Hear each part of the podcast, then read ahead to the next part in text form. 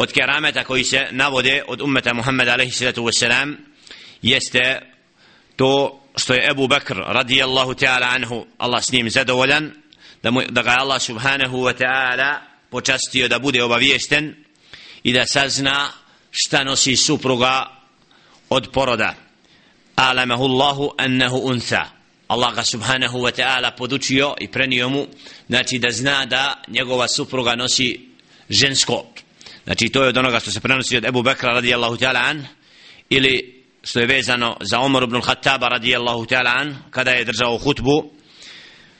يوم الجمعة على المنبر فسمعوه فسمعوه يقول يا سارية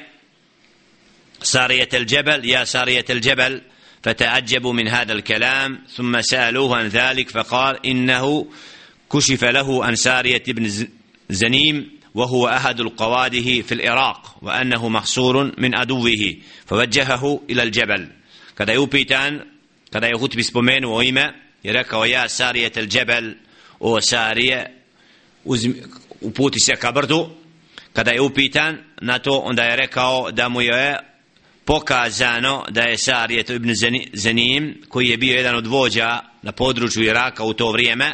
da je opkoljen od strane neprijatelja pa ga je usmjerio da se uputi ka brdu kada se vratio Sarijet il Džebel, kaže da je čuo glas Omer ibn al-Khattaba radijallahu ta'ala an i na takav način preduzeo ono što je trebalo protiv neprijatelja. Znači ovdje vidimo Umar ibn al-Khattab na minberu poslanikovom mesjidu alaihi salatu wassalam obraća se robu koji je koliko udaljen od njega i da mu se pokazuje i da on taj glas koji je rekao bude prenesen i da on to čuje to je dokaz upravo da u ovom momentu Allah subhanahu wa ta'ala je počastio Omer ibn al-Khattaba radijallahu ta'ala an da bude on uzrokom da bude da, da budu vjernici spašeni i da upravo prenese taj glas kao da je pred njim. To dokazuje da Allah subhanahu wa ta'ala znači u ovakvim događajima da je izlaz kada se ljudi najmanje nadaju